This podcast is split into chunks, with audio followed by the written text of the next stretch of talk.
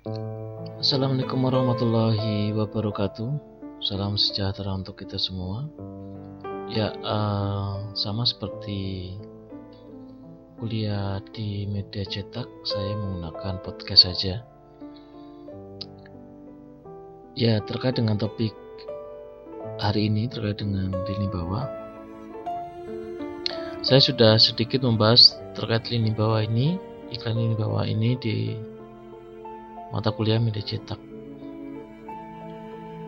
Untuk di mata kuliah ini saya ingin lebih menitik beratkan pada prospek iklan ini bawah ke depan.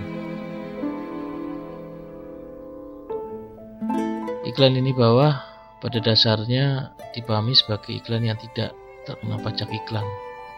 Itu yang paling sederhana ditangkap dari definisi iklan ini bawah, walaupun ada definisi-definisi lain terkait dengan ini bawah.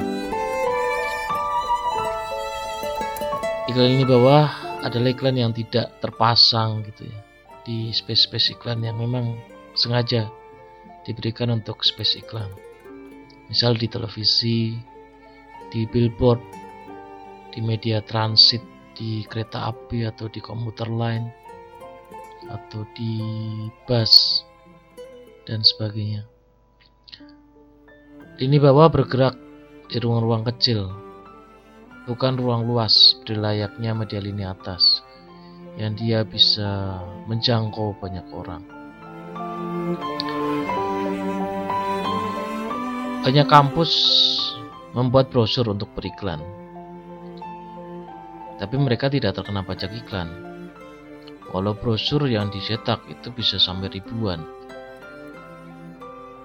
Atau Anda membuat iklan yang disebar di sosial media secara mandiri, tanpa jasa iklan sosial medianya.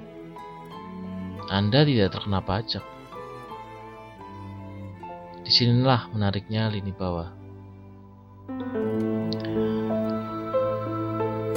Lini bawah, iklan lini bawah itu mempunyai tantangan besar ke depan. Iklan lini bawah ini ke depan itu harus bisa memberikan inovasi-inovasi yang baru agar cara beriklan itu terus menjadi menarik. Desain iklan lini bawah itu membutuhkan kreativitas yang lebih gitu ya, daripada media iklan lini bawah, lini atas. Semisal membuat sound system yang berwujud iklan papan nama sebuah toko, neon box, desain kemasan yang berbasis iklan, stiker, merchandising, gift, dan sebagainya.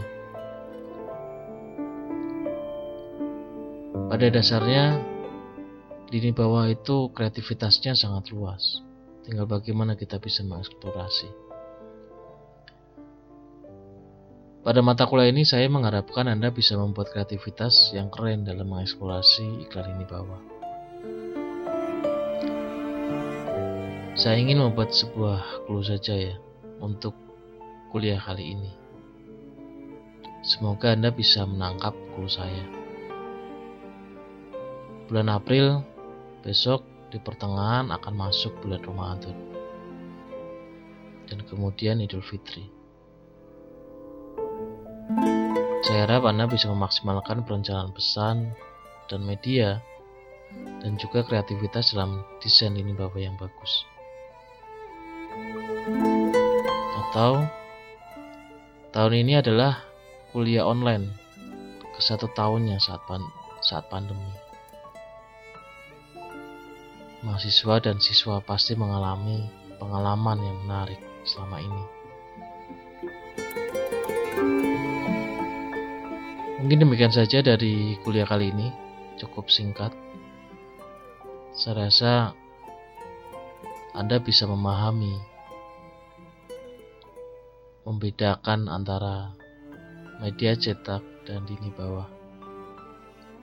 Walau sekarang sangat absurd, tapi pada hakikatnya masih berbeda.